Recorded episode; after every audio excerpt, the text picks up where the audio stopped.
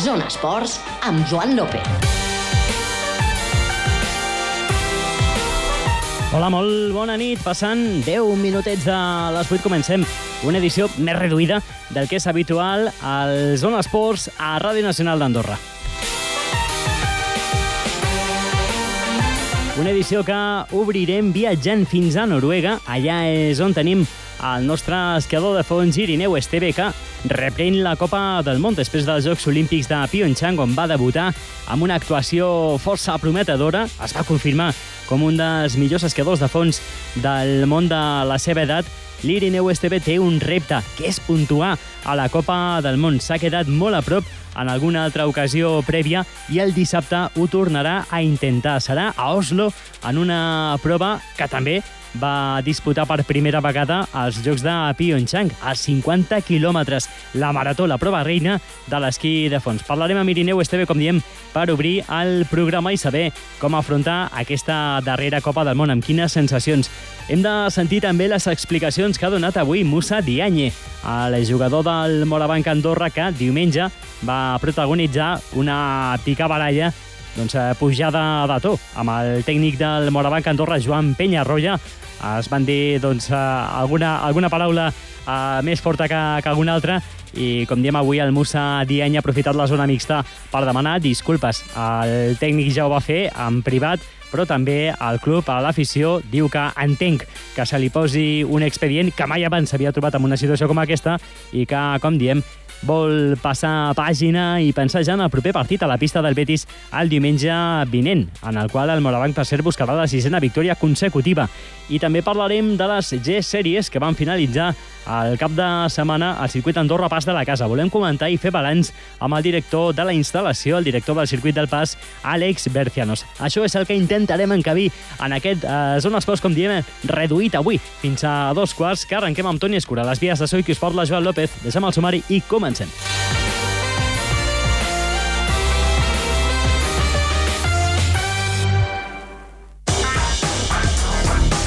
Zona protagonista.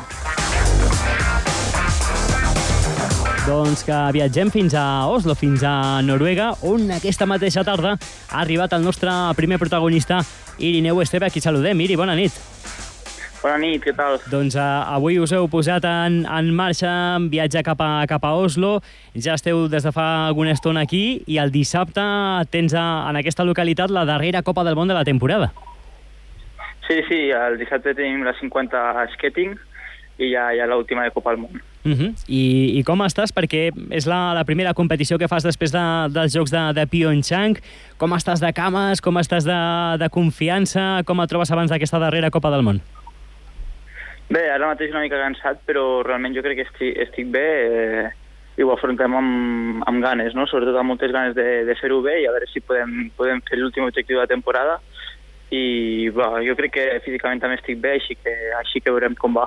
Uh -huh. En els Jocs Olímpics, Irineu, aprofito per demanar-te, eh, perquè no havíem parlat des de, des d'aleshores, des de la teva participació als Jocs Olímpics, vas enlluernar realment aquí tothom que, que va seguir les teves proves a través d'Andorra Televisió o Andorra Difusió, doncs uh, va dir, tenim un, un talent que, que es confirma, no? Dia rere dia, ja ho havies fet als Mundials Sub-23 abans de marxar a Pyeongchang, als Jocs vas tenir una, una actuació molt destacada, i no sé tu quina sensació t'han deixat personalment. Bueno, realment on puc estar content és a la, a la 15 skating, que realment em va sortir bé. Vaig anar, bueno, jo crec que vaig mantenir el meu ritme i els altres era una pista bastant exigent i els altres van anar petant a mica que passen els quilòmetres i realment d'aquesta cursa sí que puc estar content i les altres dos realment m'esperava més poder... sí que és veritat que la primera potser vaig, vaig trencar el bastó i em vaig caure i això em va fer despenjar-me bastant del, del davant i perdre bastants minuts però, però sobretot a la 50 m'esperava més així que bueno, va, l'única que estic content és la 15, no? Uh -huh. De tota manera, a banda de que només estiguis content amb aquesta, Iri, mirant totes les proves, estaves entre els millors de, del teu rànquing d'edat. Si miréssim els esquiadors de, de la teva edat, haguessis fet dos podis i una quarta plaça. Sí, el, bueno, el problema és que els altres equips eh, normalment tenen més bons, més bons, no de corredors de sub-23, però clar, només tenen quatre places, llavors no els poden portar, així que sí que potser hauria fet el, el podi, però si haguessin estat tots de la meva edat, pues no, no estaria al podi, no? però bueno, sí, sí, és millor mirar-ho amb optimisme i, i positivisme, però bueno. A tu, a tu també t'honora eh, que, que diguis eh, això també amb, amb modèstia i reconeixent que, evidentment, doncs, eh, hi ha una quota per, per cada país i que no són tots els que, o no es troben a la competició tots els que, els que podrien ser. En qualsevol cas, va ser una, una, una molt bona actuació i un bon debut en els 50 quilòmetres, que serà la prova que, que disputaràs el dissabte. Sí, sí, sí, va ser... Bueno, aquesta, el, els jocs eren clàssic i aquesta és amb skating, però bueno, així que jo crec que sí, que podríem mantenir un, una bona estona al grup i si, si podem fer-ho i no surten tan forts com a, com a Pyongyang, pues, crec que podrem mantenir-ho i sí, fer-ho bé. Uh -huh. Tens un, un repte, Iri, abans parlàvem amb el, amb el teu entrenador, amb el Joan Erola, i deia l'única fita que se'ns ha resistit aquesta temporada és una classificació en el top 30 de la Copa del Món i això anem a buscar a Oslo. Sí, realment, bueno, crec que serà bastant difícil de, de fer-ho i més a una 50 i més aquí, però, però bueno, sí, sí, és el, és el repte que ens vam plantejar al, bueno, al principi de temporada i és l'última oportunitat que tenim i realment a veure si, si surt aquí, no? Mm -hmm. No, realment no, no, no acabat de sortir a la Copa del Món, però, però bueno, és l'última oportunitat i veurem com va. Noruega, que, que per cert estàs a la terra uh, de, on va néixer l'esquí i, i la gran dominadora de, de l'esquí de fons. No? A Pyeongchang va ser un festival de, de, de podis de, de noruecs, tant en categoria masculina com femenina. No sé si això també, Iri, fa que, que sigui una copa, especial, una copa del món especial per com es viurà el dissabte i també per tu. Sí, realment, bueno, jo encara no he estat mai en aquesta pista, però es preveu que hi hagin entre 120 i 150.000 espectadors durant tota la pista. Quan? I entre 120 i 150.000 espectadors. Per una prova d'esquí de fons, eh? Déu-n'hi-do. Sí, sí, és, bueno, és la meca aquí de l'esquí de fons, així que sí, sí, distribuït pels 8 quilòmetres que fa la pista, i bueno, a veure, a veure com és, però diuen que l'ambient és espectacular, que és dels millors ambients que hi ha a tota la Copa del Món, i veurem si això ens dona l'extra per aconseguir-ho. Estem parlant d'un país de poc més de 5 milions d'habitants, eh? Per tant, això sí, és, sí. diu molt de, de l'afició que hi ha per, per l'esquí de, de fons. Aquí no hi serà el Clevo, no?, que és el gran ídol ara mateix de, de l'afició noruega, per això. Eh, crec que la 50 no la farà, no. veurem, eh, perquè els noruecs, segur, uh -huh. I, i, bueno, veurem els noruecs perquè crec que poden portar més places al, al fer-ho al seu país, i sí que és veritat que ha corregut avui a, a Dramen, que crec que ha aconseguit el... Bueno, ha fet primer, però pot ser que a la 50 no estigui, perquè no, no és molt de llargues distàncies, és massa llarga. 30. Uh -huh. Sí, sí, sí. I, bueno, veurem a veure si està o no està, però però bueno, si, si, no, si no està ell n'hi haurà un altre igual de bo, eh? així ah. que... has, de, has de reservar força, Siri, perquè després et quedaran finals de Copa d'Europa. Anaves líder a la classificació, però la, la disputa de, dels mundials, de proves de la Copa del Món, ha fet que deixessis una mica de banda, no? aquest circuit de, de Copa d'Europa. Has reculat una mica la classificació, però queden les finals a Baqueira Beret d'aquí un parell de setmanes i m'imagino que aquí doncs, reservaràs una miqueta de, de forces per fer-ho bé, també. Sí, bueno, intentarem arribar, arribar bastant bé dintre de les possibilitats que tenim, però bueno, sí, realment estem bastant, bastant lluny ja dels primers i l'última posició que sabia era que estava 8 a la general i ara suposo que que estàvem encara més enrere i realment un podi, podi a la general de Copa Europa és quasi impossible, però bueno, si realment sortís molt, molt bé a Baqueira, pues, podríem escalar bastantes posicions i veurem, veuríem com, com ho fan els altres, no? Uh mhm. -huh. Doncs hi ha un repte molt, molt bonic aquest dissabte en aquesta prova de 50 quilòmetres, estil patinador, que disputaràs a, a Oslo, uh, tant de bo que, que arribi a aquest top 30 i en qualsevol cas que, que la gaudeixis perquè serà l'última prova de la Copa del Món de la temporada. Irineu Esteve, en directe des d'Oslo, moltíssimes gràcies per atendre'ns i molta sort. Gràcies a vosaltres, que vagi bé. Bona, Bona nit. nit.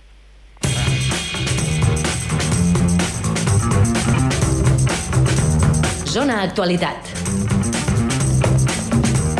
Doncs a l'Irineu Esteve, que, que no treu pit ni quan li poses en, en safata de plata. Eh? Sempre doncs, té aquella modèstia i aquell treure's importància d'uns resultats que s'han de dir. Eh, són per treure's el barret en els seus primers Jocs Olímpics i més per un esportista de només 21 anys. Deixem l'esquí de fons, deixem a Irineu Esteve i parlem de bàsquet perquè avui Musa Dianye ha estat a la zona mixta del Morabanc, Andorra i, evidentment, ha estat a la zona mixta perquè el diumenge, malauradament, va protagonitzar una discussió doncs, a força pujada de to amb, amb Joan Penyarroia. No acaba de quedar clar el motiu d'aquesta discussió tan, tan forta, però sí que Musa Diagne ha aprofitat per demanar disculpes.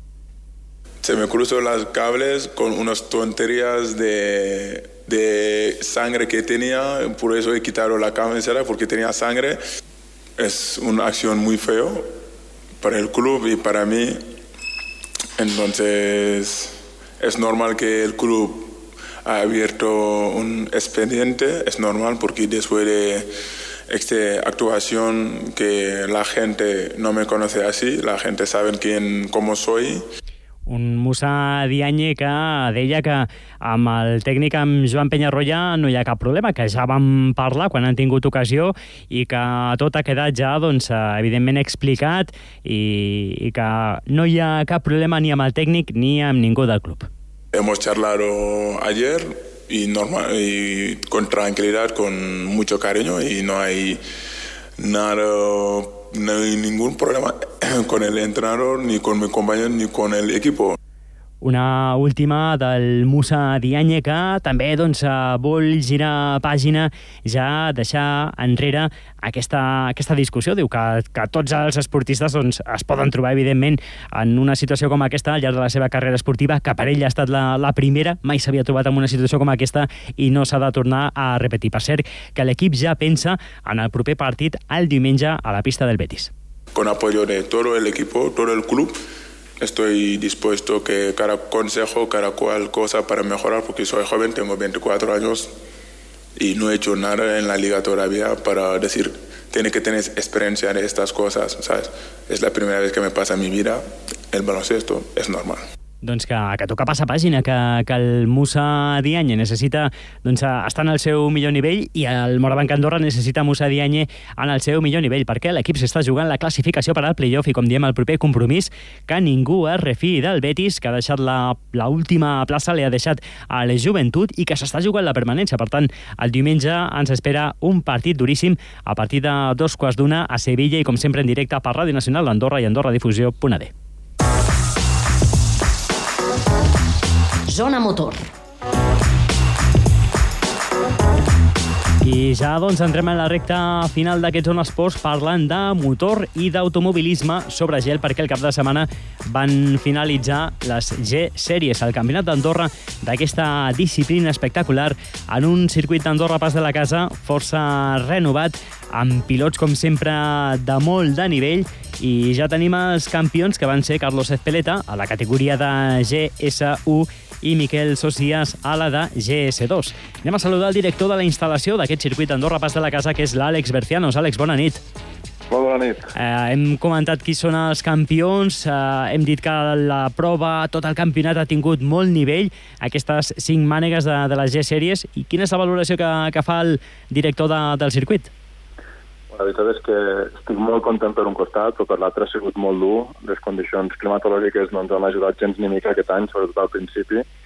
Però, bueno, al final, amb el que ens quedem és que hem tirat cap endavant totes les proves, eh, que tant els participants com els equips eh, inscrits eh, estan encantats i estàvem parlant de repetir i de mirar de marcar algunes millores de cara a l'any vinent i la valoració és totalment positiva. Uh -huh. La meteorologia que, que, com deies, eh, us ha fet la guitza, això ja passa. Eh? És, és uh, estrany l'any que, que no s'ha de suspendre o ajornar alguna de les proves, us ha obligat a, a recondicionar i a reajustar tot el, el calendari, no? fins i tot a concentrar un cap de setmana de tres dies amb un parell de mànegues en cada categoria. Sí, exacte. Això va ser una decisió que es va tindre que prendre en un moment bastant, bastant delicat, bastant crític, perquè teníem a tothom ja preparat per poder tirar cap endavant el míting les previsions meteorològiques de vent, sobretot, no eren tan negatives el dia, els dies abans i la veritat és que vam arribar... De fet, no vam ni arribar al port perquè estava tancat i les rafades de vent superaven els 90 km per hora amb el que feia impossible poder tirar endavant l'esdeveniment i vam tindre que plantejar-nos de fer pues, això, dos proves en un cap de setmana, començant un divendres per la nit, que això no s'havia fet mai tampoc, i acabant un diumenge pel matí. Però la veritat és que va ser intens, va ser, va ser maco i al final ho vam tirar cap endavant, que és el que tocava. Uh -huh. Bon cartell, com sempre, de, de participants, amb alguna novetat destacada. Eh? Per primera vegada ha participat l'Albert Llobera, un dels millors pilots de, del país, que, que s'ha engrescat i ha disputat també les, les G-Sèries a la categoria de, de GS2, i, i tot un mundialista com, com Dani Sordo, que el tenim residint aquí a Andorra des de fa algun temps i que, i que també doncs, ha participat, no? És important. La veritat és que em va fer molta il·lusió. Quan em va trucar l'Albert i em va dir que s'estava plantejant eh, l'opció de poder córrer totes les carreres de les sèries, pues és, és maco, és maco ja des de, des de la vessant eh, com a aficionat al món del motor i pilot que, que he estat, i és maco també per aproximar aquest campionat eh, a la gent i als pilots d'Andorra, que al final una mica és la, la intenció que tenim eh, amb aquest eh, nou eh, comitè organitzador de, de, poder, de poder tirar cap endavant. Uh -huh. Àlex, també les G-Sèries us han coincidit amb, amb diferents canvis no? que, que s'han fet en, en aquesta instal·lació, que ja, de fet, alguns s'havien presentat amb la visita, darrera visita del trofeu Andros i altres doncs, eh, s'han acabat de, de tancar eh, coincidint, com diem, no? amb, amb, pràcticament amb la realització de la celebració de, de les G-Sèries, no? els boxes i diferents, eh, el nou sistema de cronometratge, diferents coses que, que s'han anat també posant a prova coincidint amb aquest campionat. La veritat és que l'altre dia la gent de cronometratge em deien que, hòstia, és que ni Montmeló té un sistema fixe, fixe de cronometratge com el que teniu aquí. Evidentment, quan desembarque la Fórmula 1 i MotoGP tenen els millors sistemes de cronometratge del món, eh?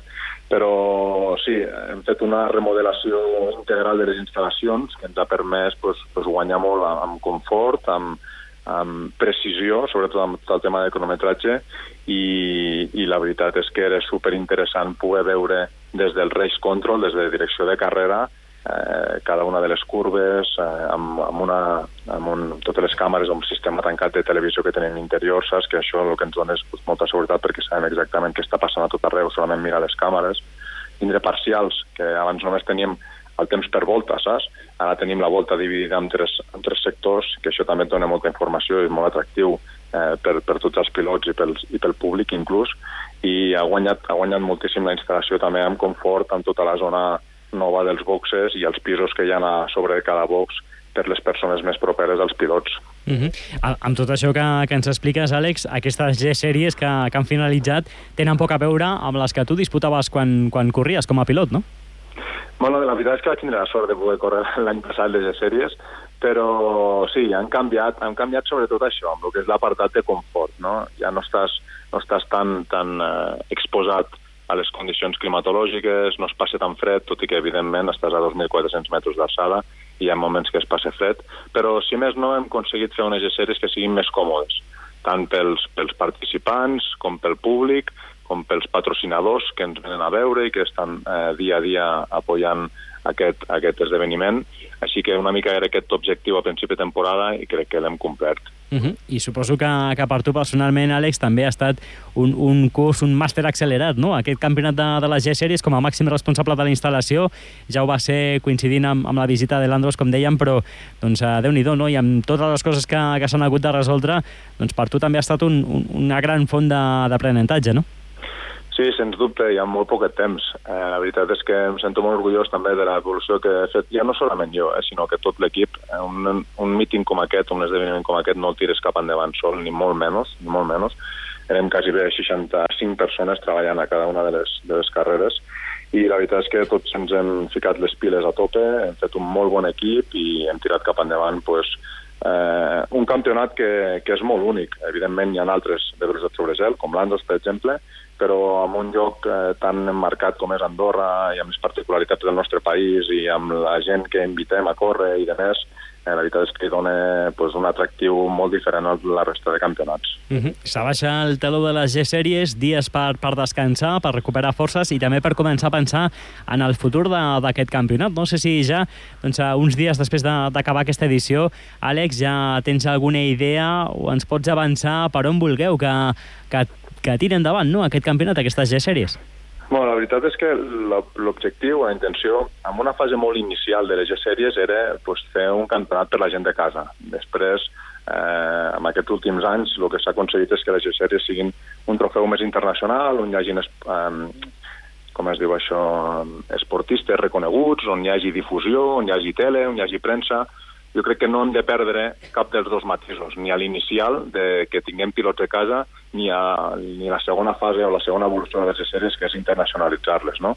L'objectiu principal ara és acabar de, de, de tancar tota aquesta fase de que vingui gent de fora i que les sèries vegin a tot arreu del món i, en segon lloc, de que la gent de casa, els pilots d'aquí, no els oblidem i que puguin eh, seguir corrent, com ja hi ha molts que estan corrent, inclús aconseguir que pugin molt més a córrer aquí dalt. Uh -huh. Dèiem abans de, de l'Albert Llobera que s'havia engrescat i també tenim, eh, a, a banda de, de clàssics de, del nostre panorama automobilístic com el Gerard de la Casa, que també doncs, és habitual en aquest campionat, doncs, eh, joves valors com l'Edgar Montellà que han aprofitat aquestes G-sèries com a trampolí eh, per, per començar en el món de, del motor. Ell ja fa un parell de temporades que està destacant força en el Campionat de Catalunya i també en el d'Espanya de, de muntanya i, sens dubte, és una gran plataforma per a tots els pilots que comencen a treure el cap en la, en la competició. Àlex, eh, una última, aprofitant això que comentaves, no? de, de la internacionalització d'aquestes G-sèries, també ens heu destacat que, que la difusió ha estat important, aquestes imatges que doncs, eh, s'han fet de, de les diferents proves, no sé si teniu idea de, de quanta gent ha pogut arribar fora de, del país, eh, on s'ha seguit amb més interès i a quanta gent ha pogut arribar a les imatges d'aquest campionat. Doncs dades encara no tinc. Eh, el que sí que sé és que, per exemple, a Singapur es veuen les G-Series, saps? déu nhi A dia, a dia d'avui. Aquest eh, dijous, sigui, tot just demà, enviarem el, el programa de la G4, que Andorra Televisió també el rebreu, així que tindreu imatges Moltes de tot el, que, tot el que va passar durant la G4 i el dijous vinent rebreu pues, eh, vosaltres i totes les, les teles amb les que tenim contracte al programa de la, de la G5. Eh, és, és de destacar eh, realment l'esforç que està fent Dorna, en aquest cas, que és, és la empresa que gestiona el Mundial de MotoGP, ja no solament per difondre aquestes imatges, que és importantíssim, sinó també tota la feina i tot l'estaf que hi ha darrere per poder-les gravar. Eh, tot el circuit està eh, habilitat amb un sistema de, de fibra òptica perquè cada una de les càmeres tingui el seu punt de corrent i pugui passar les imatges amb un eh, motorhome central, des d'allà bueno, es fa la realització i a més, bueno, que és, és algo que és molt maco de veure i que quan estàs fora normalment no li dones gaire valor, però aquest any que ho he pogut veure i viure des de dintre és brutal la feina que fan aquesta gent i com treballen. I al final tenim els mateixos, eh, el mateix staff que dona voltes per tot el món retransmitint i cobrint tots els grans premis de, de MotoGP. Així que, realment, moltes gràcies a Dorna perquè han fet una feina brutal aquest any també. Uh -huh. Feina brutal i, i feina indispensable, eh? perquè llueixi doncs, de tot el que passa en cada, cada mànega, cada, cada cap de setmana en què hi ha una prova de les G-Sèries i que es pugui veure aquest espectacle més enllà de les nostres fronteres, sens dubte li dona valor a tot aquest campionat. Doncs eh, amb aquest bon balanç, eh, Àlex, que nosaltres eh, et felicitem per, per, aquesta, per aquesta bona estrena com a màxim responsable de, de les G-Sèries i, i que, això, que, que els canvis que, que aneu introduint doncs, siguin tan positius com els d'aquesta edició. Segur que sí, segur que acertarem i seguirem creixent, que al final és la finalitat o l'objectiu tant de l'Automòbil Club com del propi circuit. Uh -huh. Doncs Àlex Bercianos, director del circuit d'Andorra Pas de la Casa, moltíssimes gràcies per atendre'ns. Gràcies a vosaltres. Bona nit. Merci.